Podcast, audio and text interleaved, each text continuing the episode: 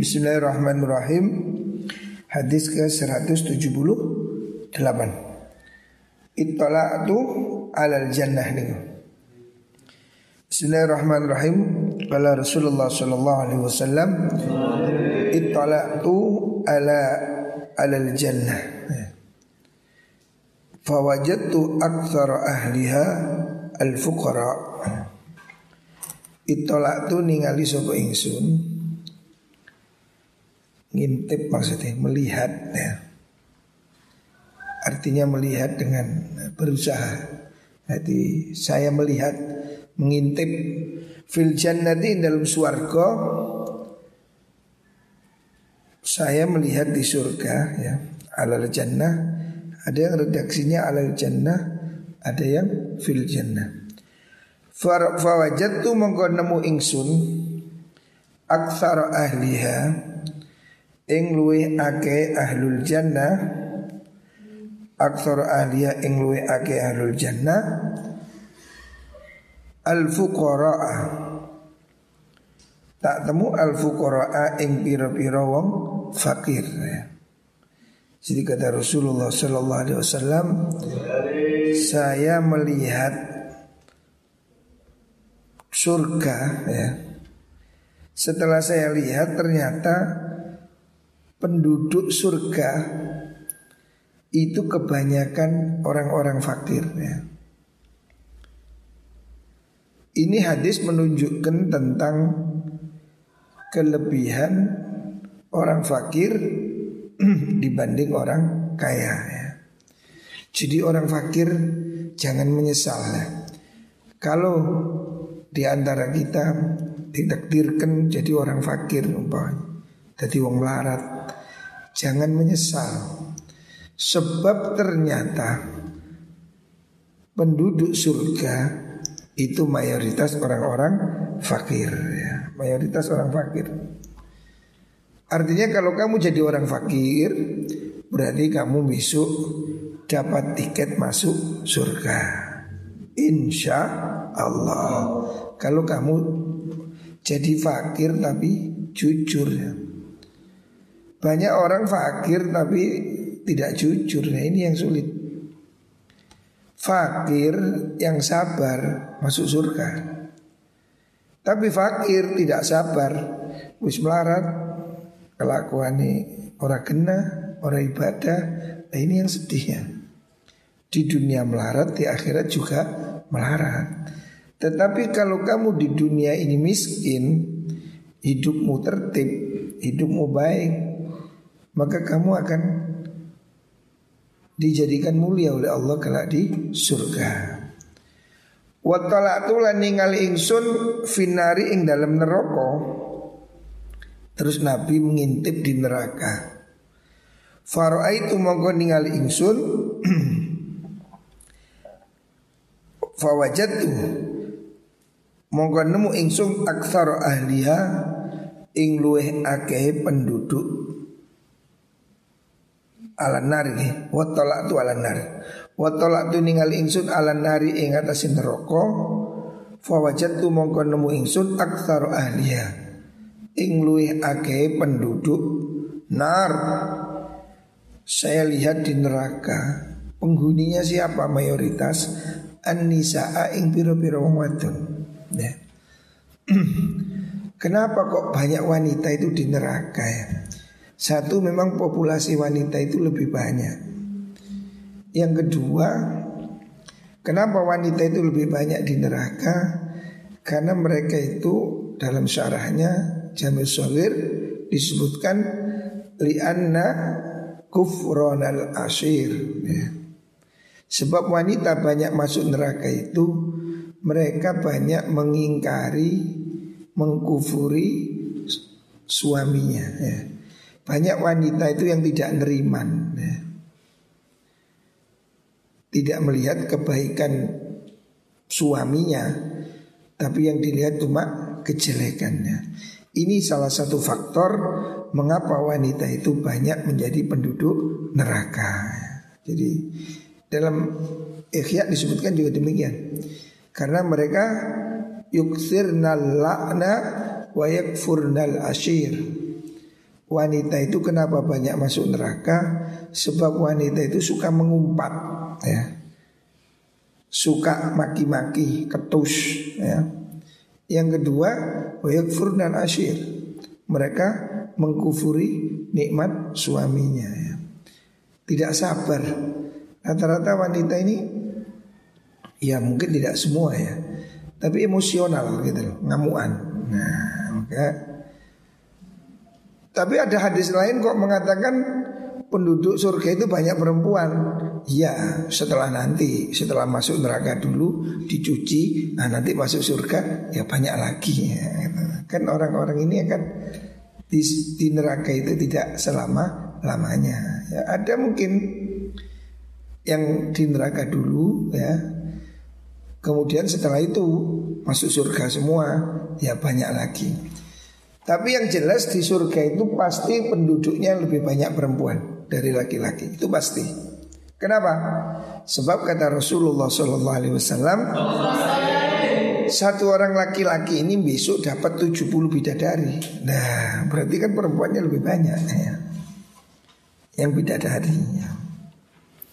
Makanya di dunia ini cuma kebagian satu ya nggak apa-apa nanti di akhirat dapat 70 lagi ya bonus. Rawahul Bukhari. Hadis ini riwayat Imam Bukhari. Atibil kalam. Selanjutnya Nabi mengatakan atibil kalam. Atib bagusono siro al kalama ing omongan ya. Hendaknya kamu jaga mulut ya. Lek ngomong sing api gitu Hendaknya jangan jadi orang kasar ya tidak sopan ya. Jadilah orang yang mulutnya itu bagus seperti Rasulullah Shallallahu Alaihi Wasallam. Kanjeng Nabi itu faida takallama fakaan nama durru yaskutu min dalikal kalam. Nabi itu kalau bicara seakan butir mutiara jatuh dari mulutnya. Ya, Nabi tidak pernah mengucapkan kata-kata jorok. Ya, misuh nggak pernah. Ya. Hendaknya manusia ini menjaga akhlaknya, jangan kaku, jangan kasar. Orang ini pertama yang harus dijaga itu mulutnya. Artinya mulutnya ini jangan sampai menjadi sebab kemungkaran. Ya. Waaf salam, waaf salam lan Masyhur sira Assalama ing salam. Hendaknya kamu berusaha untuk memasyurkan salam nah, Kalau ketemu orang Usahakan salam. Assalamualaikum. Ojo hello atau bro gitu kan. Assalamualaikum. Di mana-mana syiar umat Islam. Assalamualaikum. Masyurkan salam. Salam itu kan damai, ya. Assalamualaikum, keselamatan untukmu, ya. Ini kan kata-kata damai, ya. Mengajak rukunnya. Afsus salam. Wasilil arham. Wasilan nebu ngosiro sambunglah assalama eh, al arhama ing piro-piro hubungan rahim sambunglah hubungan kerabat ya. Wasalli lan salat siro hendaknya kamu melakukan salat bilaili ing dalam waktu bengi wa nasu halutai menungso iku niyamun piro-piro kang turu. Artinya usahakan malam kamu sholat tahajud ya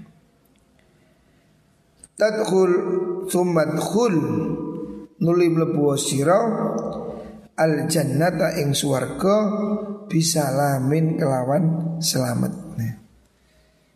Kalau kamu melakukan hal ini ya, yang pertama ucapan yang bagus, yang kedua masyurkan salam, yang ketiga sambunglah silaturahim hubungan keluarga, yang keempat sholatlah di waktu malam. Empat hal ini akan memastikan tiket sumadhul al jannata bisalam. Kalau kamu melakukan ini, kamu akan masuk surga dengan selamat. Ya. Rawahu Ibnu Hibban an Nabi Hurairah. Atfalul mukminin utawi piro-piro bocah cili wong mukmin. Maksudnya bayi-bayi yang meninggal, ya. anak-anak kecil yang meninggal dari orang mukmin iku fi jabalil jannati ing dalam gunungi swarga. Dia itu akan ditempatkan di sebuah gunung di sorga. Yakfuluhum Yakfulu ngeramut hum ing niku wau atfal sinten Ibrahimu Nabi Ibrahim wa Sarah lan ibu Sarah istrinya Nabi Ibrahim. Artinya anak-anak orang mukmin, bayi-bayi ya, anak kecil yang mati itu besok sudah dipastikan di surga dan menunggu orang tuanya. Hatta yarudahum sehingga balekaken hum ing atfal sapa Allah ing atfal ila abaihim maring pira-pira wong tuane atfal yaumal kiamati ing dalam dino kiamat ya. Besok anak-anak orang mukmin, orang yang punya anak kecil mati itu akan menolong dia untuk masuk surga ya. Makanya di sini ada anjuran untuk bersabar ya. Seandainya orang ini diambil oleh Allah buah hatinya, anaknya, dia akan menjemput kelak di surga. Nah kalau anaknya orang kafir gimana? Anaknya orang kafir juga di surga ya. Ulama berbeda pendapat ya. Ada yang mengatakan anak orang kafir tidak di surga, tapi pendapat yang lebih kuat anak orang kafir itu dia kan fitrah. Kullu mauludin yuladu alal fitrah. Semua orang ini lahir kan bersih ya. Jadi dia jadi anak orang musyrikin itu dia tidak bersalah ya. Ada hadis yang memang ditanyakan pada Rasulullah Shallallahu Alaihi Wasallam. Nabi ditanya fauladul musyrikin. Nabi gimana anak-anak orang musyrik?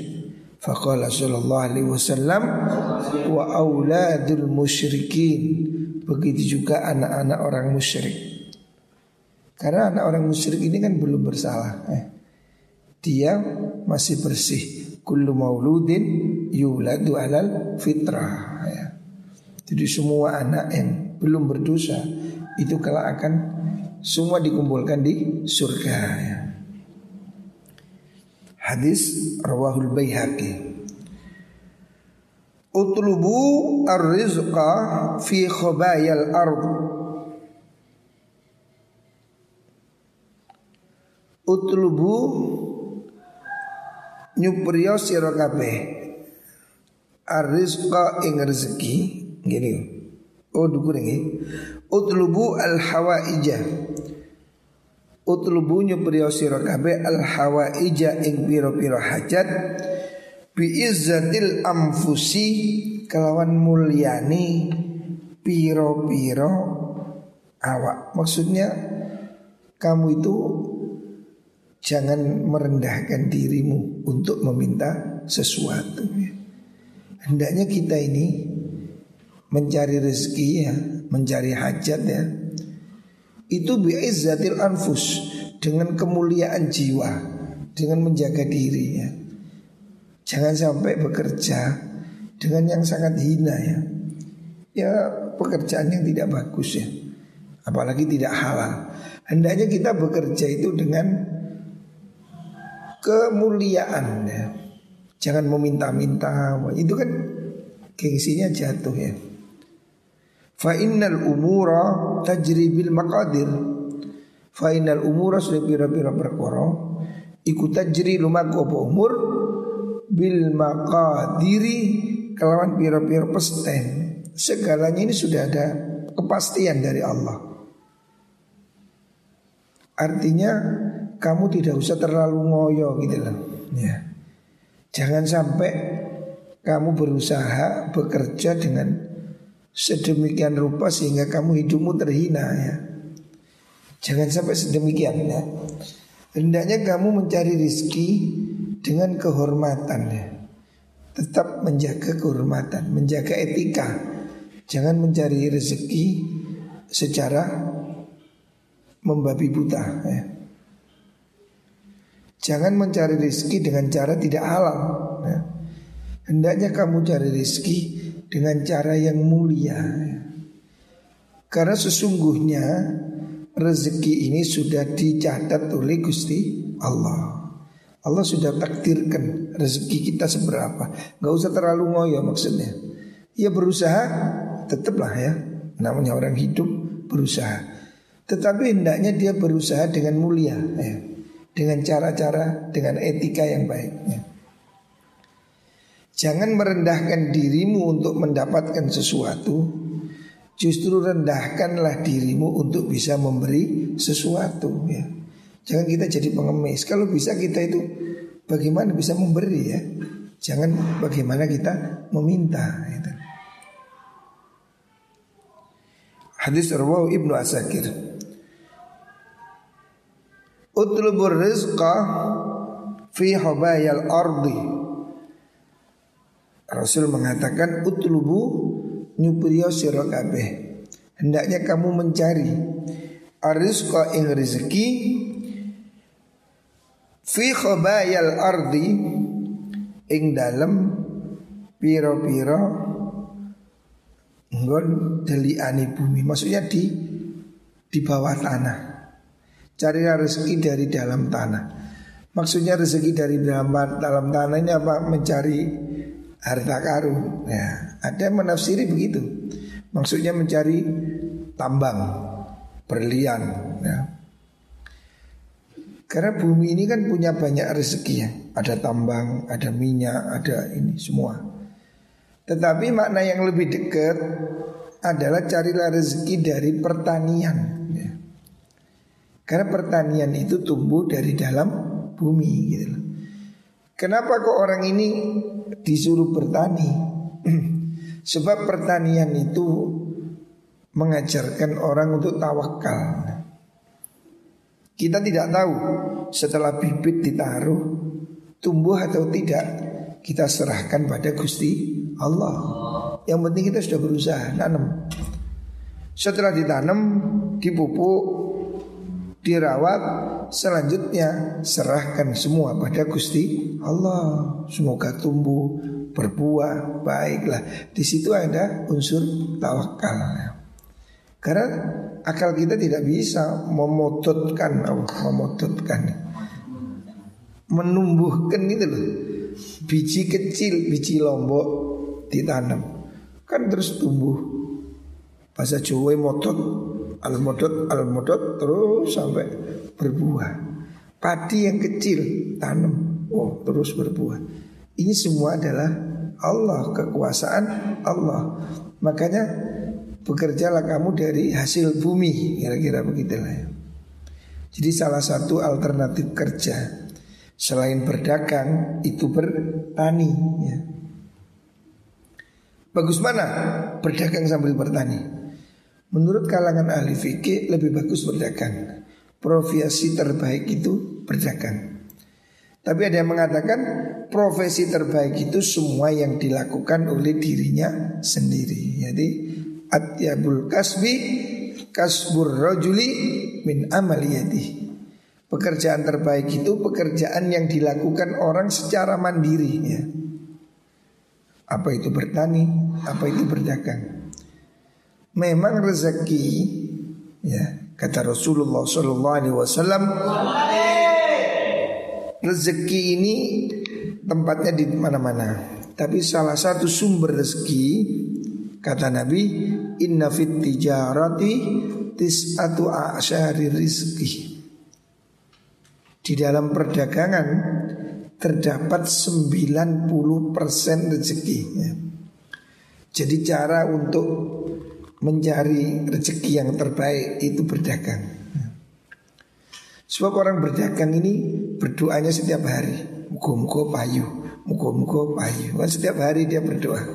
Pagi buka toko doa, malam tutup toko, muka-muka selamat. Lu karena orang berdagang ini ada ikhtiar setiap hari untuk berdoa. Maka dia profesi lebih bagus ya. Berdagang, bertani, ya. Yang kurang bagus itu pegawai. Makanya ayah saya ini tidak suka saya jadi pegawai. Saya sejak kecil diajari ayah saya jangan pingin jadi pegawai.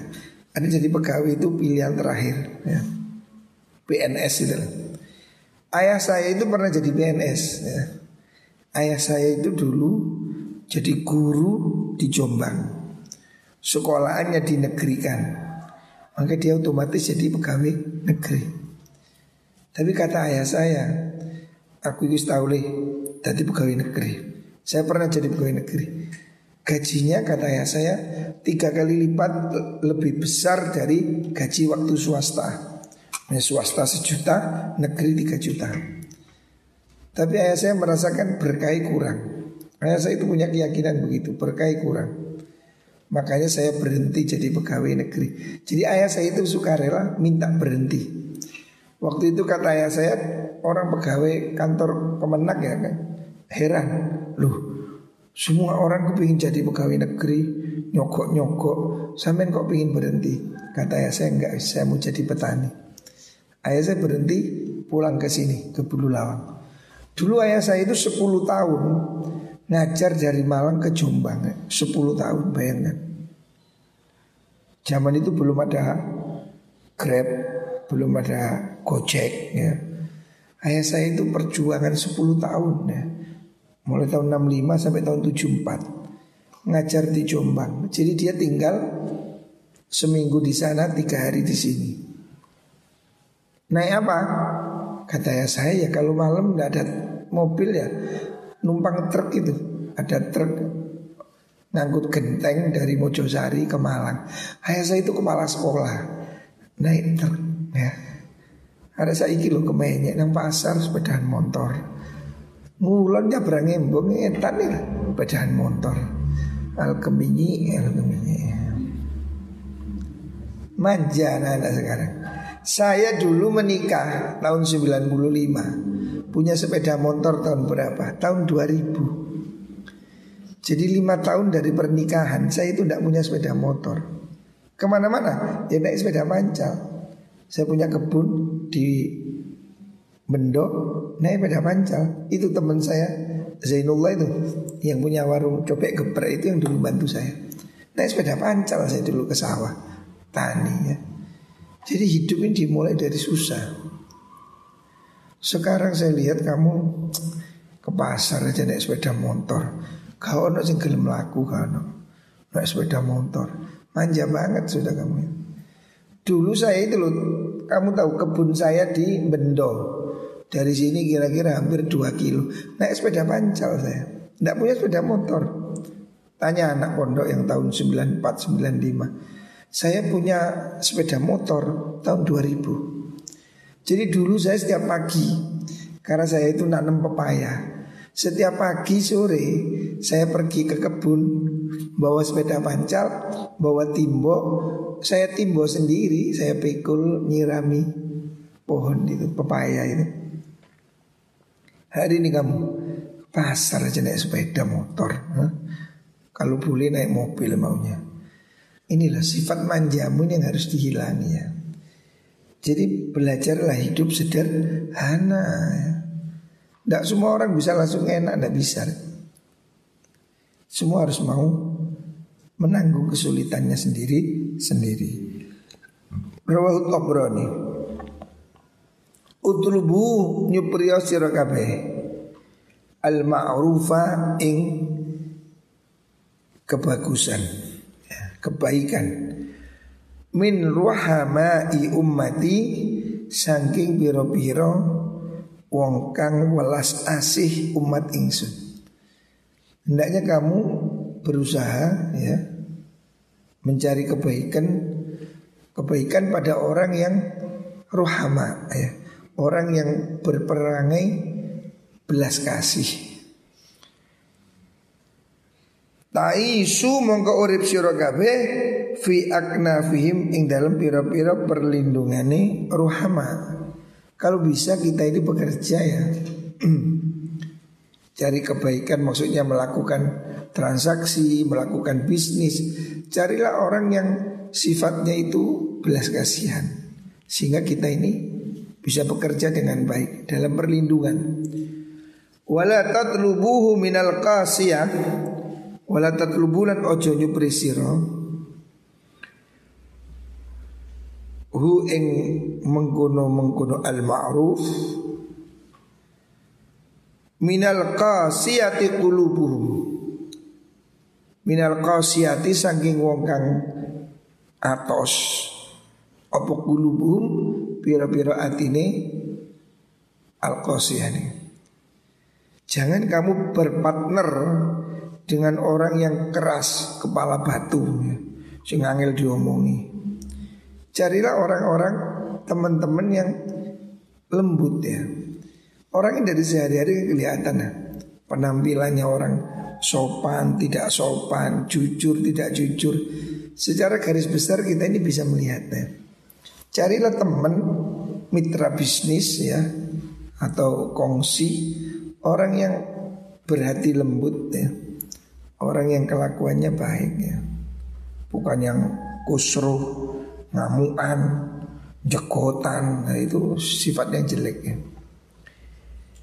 Fa innal laknat asduni laknat ikutan zilu temurun alaihim ing atasi al qasiyah qulubuhum. Laknat kesialan itu akan timbul pada mereka ya. Jadi kita ini jangan berteman atau berkongsi mencari kebaikan artinya bisa hubungan dagang ya atau hubungan apa relasi maksudnya Carilah orang-orang yang berhati lembut ya. Jangan mencari orang-orang yang berhati kasar. Sebagian ulama memaknai al-qasiyah qulubuhum itu ada yang mengatakan al-yahud kaum Yahudi. Yahudi itu kan sifatnya itu pengecut ya. Wala takunu kalladzina utul kitaba min qablu fatala alaihimul amadu faqasat qulubuhum ya. Allah katakan dalam Al-Qur'an ya jangan seperti mereka itu orang-orang yang dibeli kitab yang mendapatkan kitab maksudnya pada zaman Bani Israel terus mereka dalam waktu yang sangat lama dan hatinya membatu ya. faqasat qulubuhum ya Nah, ulama menafsiri kelompok ini adalah kelompok Yahudi. Dan di dunia ini sumber kejahatan ya Yahudi itu.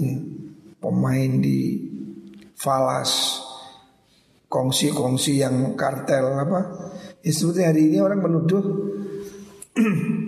salah satunya Corona ini ya ada yang mengira ini ya gawinya orang Yahudi juga. Karena Yahudi ini saya lihat dalam kitabnya Said Qutub Mereka menurut kitab Tauratnya ya, Yang sudah dipalsukan tentunya. Bangsa Yahudi itu meyakini berdasarkan versi hari ini ya Bukan versi asli ini kan, versi hari ini. Bangsa Yahudi itu dalam kitabnya mengatakan dan semua bangsa selain Yahudi adalah keledai. Oh, jadi kita ini keledai semua.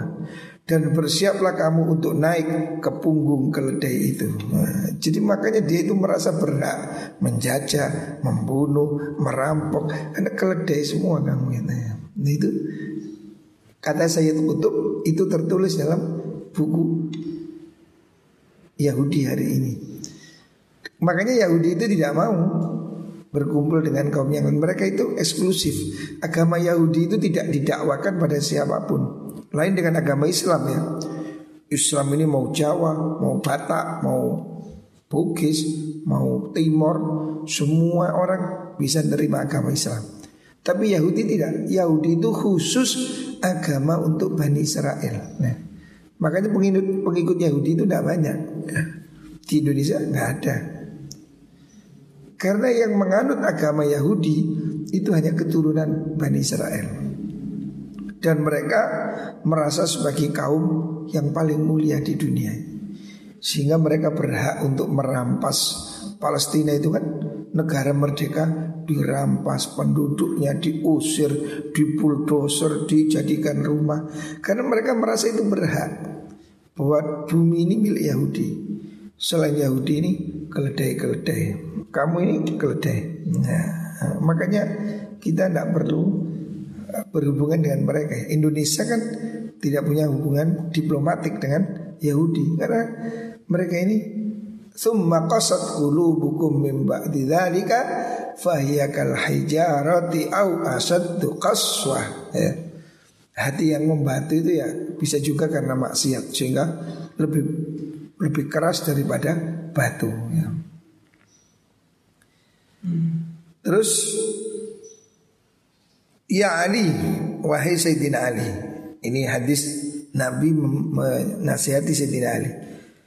Inna Allah Ta'ala khalaqal ma'ruf. Inna Allah Inna Allah Ta'ala Iku khalaqon dati akan sebuah Allah. Al ma'rufa ing kebagusan. Wa khalaqon dati Allah Lahu maring al ma'ruf Ahlan ing Wong kang ahli al ma'ruf Allah itu menciptakan kebaikan Dan menciptakan manusia-manusia yang berbuat baik ya. Jadi orang-orang baik itu diciptakan oleh Allah. Fahabbabahu ilaihim wa habbaba ilaihim fi ahlahum fahabbaba maulan demenaken sapa Allah hu ing ahlul hu ing ma'ruf ilaihim maring ahlul ma'ruf wa habbaba lan demenaken sapa Allah ilaihim maring ahlul ma'ruf fi alahu ing lakoni al ma'ruf wa wajhalan ngedepaken sapa Allah ilaihim maring ahlul ma'ruf tulabahu ing pira-pira wong kang nyuprih al-ma'ruf. Maksudnya kata Rasulullah Shallallahu Alaihi Wasallam, Allah itu menciptakan kebaikan dan menciptakan orang-orang baik. Ya. Maka orang-orang yang ditakdirkan jadi baik ini dia itu menyukai kebaikan. Ya. Memang dia diciptakan jadi orang baik. Ya. Dan mereka senang berbuat baik.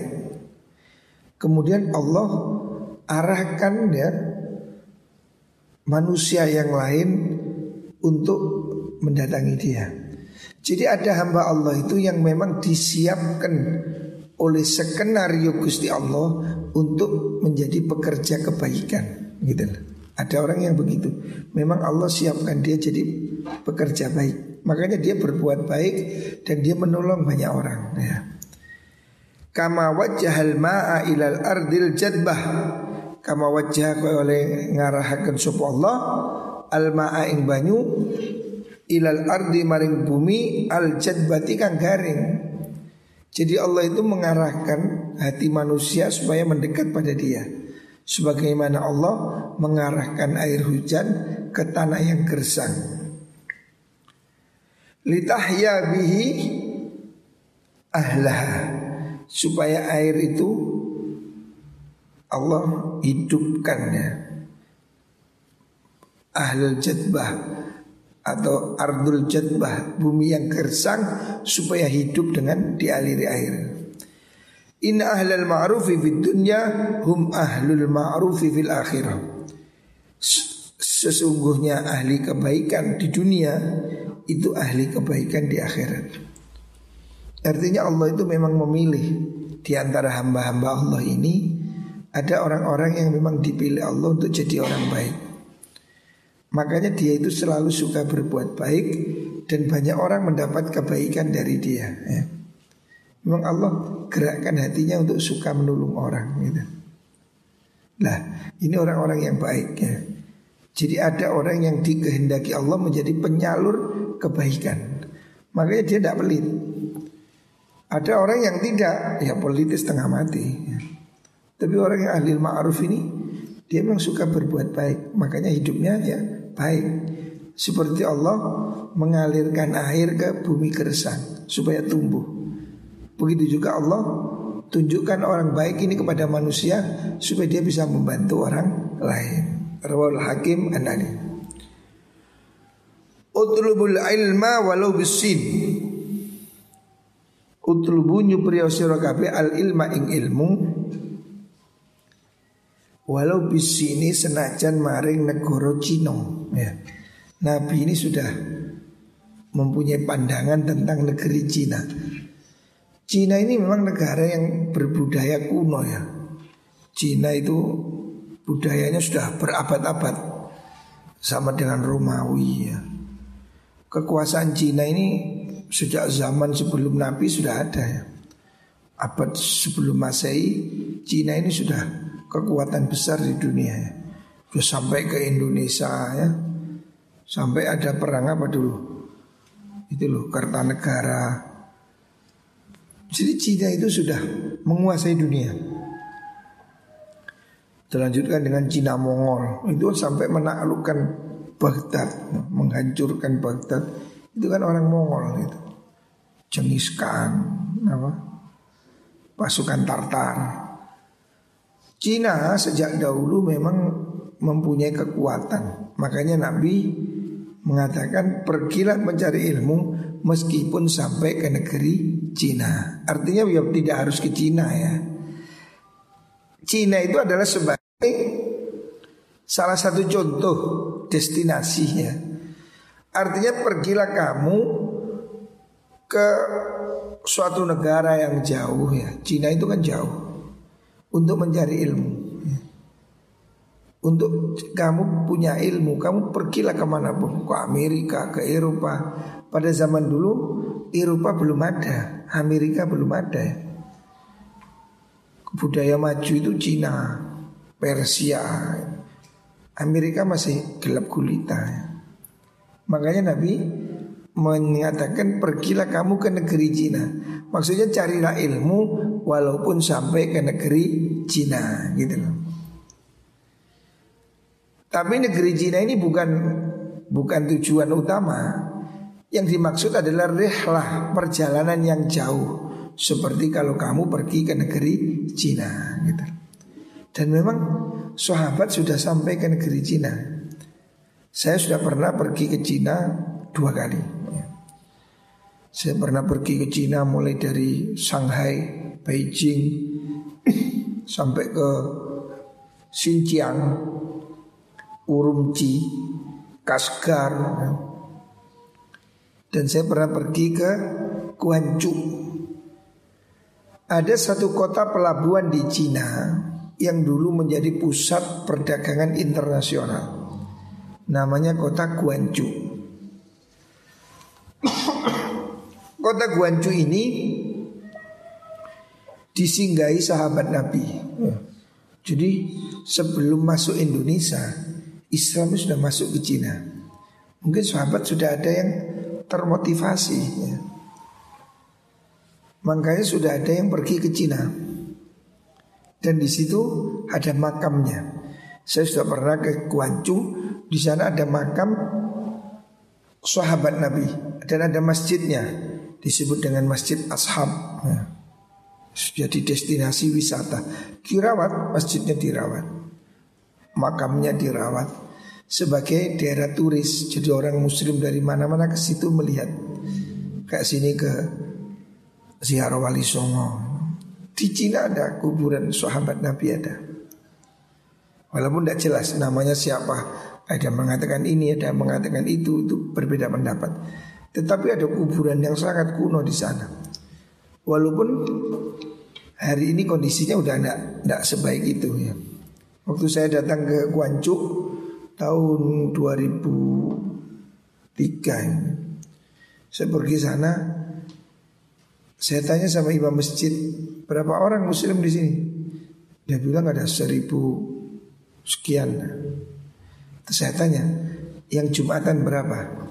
Yang Jumatan 35 orang. Loh yang lain ke mana?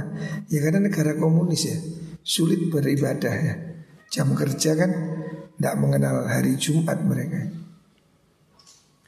Jadi toleransi beragama terbaik itu ya negara Islam. Saya sudah pernah pergi Amerika hari, hari raya. Tahun 2015 saya di Amerika hari raya Idul Adha. Tidak ada orang sembahyang hari Idul Adha pagi Mereka sholatnya sore Karena pagi kerja Tidak ada yang libur.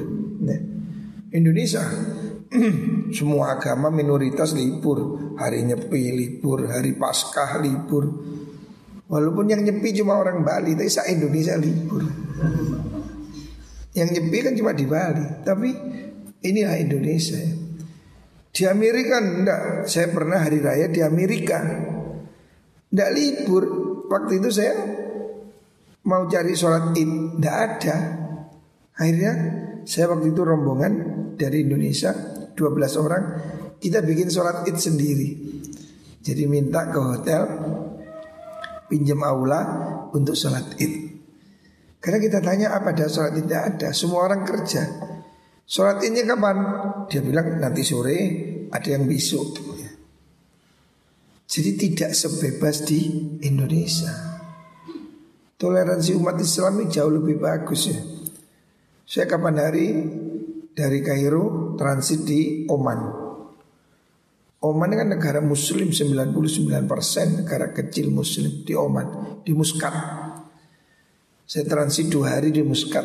Waktu itu hari Paskah, hari ini loh. Hari orang Kristen itu loh. Yang ada telur-telurnya itu. Di Muscat, saya tinggal di hotel. Itu ada rumah Yesus, itu loh dibikinkan kayak rumah Ya kayak di Indonesia kan ada hari Paskah, terus ada telur-telur, ada kelincinya. Di negara Muslim 99% Paskah aja dirayakan. Di Dubai hari Natal, uh semarak. Tapi di Amerika hari raya nggak ada gambar beduknya, nggak ada. Kita ini jauh lebih toleransi ya. Kalau kita ini sekarang mengatakan mereka toleran itu kurang atuh lah lumai kurang atuh. Ya. Tuline kurang atuh. Saya sudah pergi ke Amerika, saya sudah pergi ke Inggris, saya sudah pergi ke Eropa. Ya. Muslim ini jauh lebih toleran ya. Sayangnya sedikit ya ada oknum-oknum yang mencederai.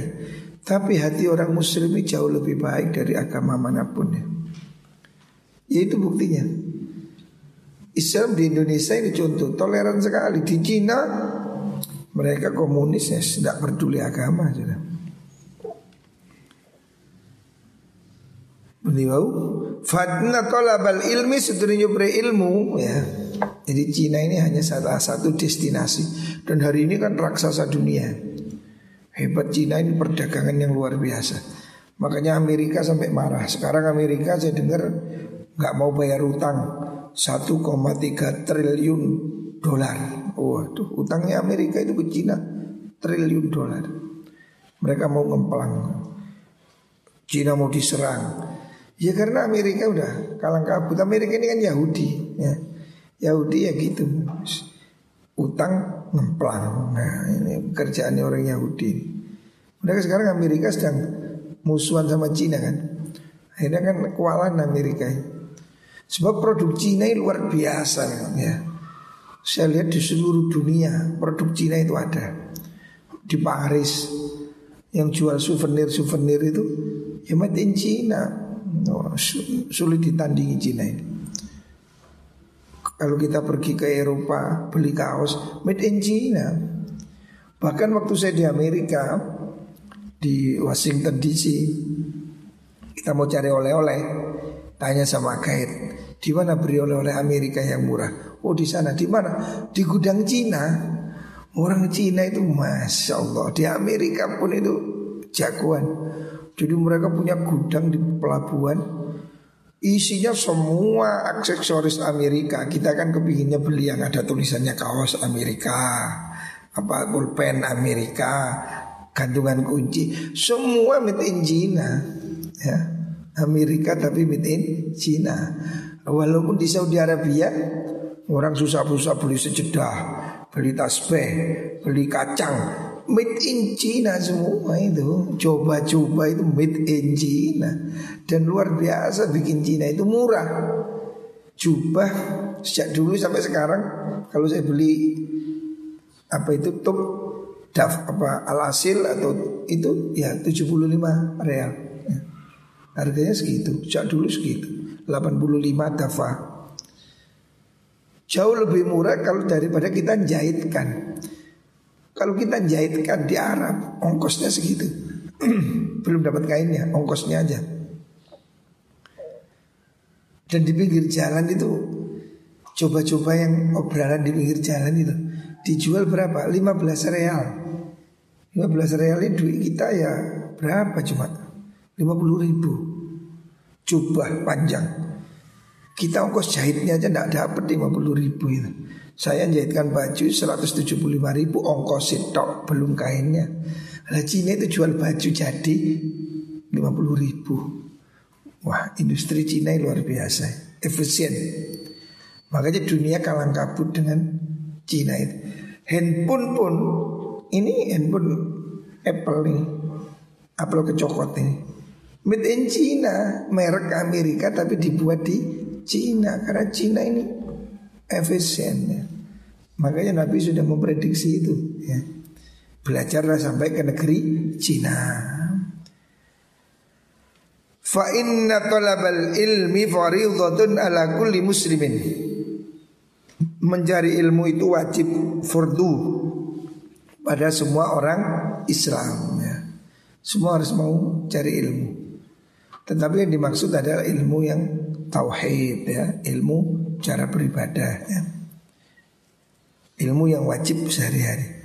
Innal malaikata tadau ajnihataha Innal malaikat asni malaikat ikut atau unyelehakan sebuah malaikat ajni hataha ing piro suwine malaikat lito libil ilmi maring mokang jupri ilmu ridon krono ridho bima klan bukaro yang bukang jupri sopo talib sampai malaikat itu menaungi dengan sayapnya pada orang yang berangkat mencari ilmu ya.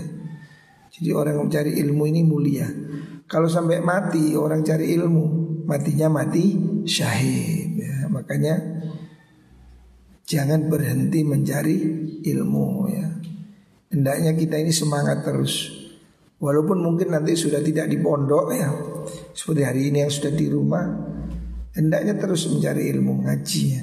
Ya termasuk sekarang ini ngaji online. Tapi saya ada keluhan, kenapa anak nggak ngaji? Tidak punya pulsa kan? Ya, handphone ini dikai Kim gimana ya entek pulsa ya. Tik tak tik tok ini entek entek pulsa ya. Jadi carilah ilmu di mana pun ya. Semoga kita dapat ilmu yang bermanfaat. Barakatil Fatihah.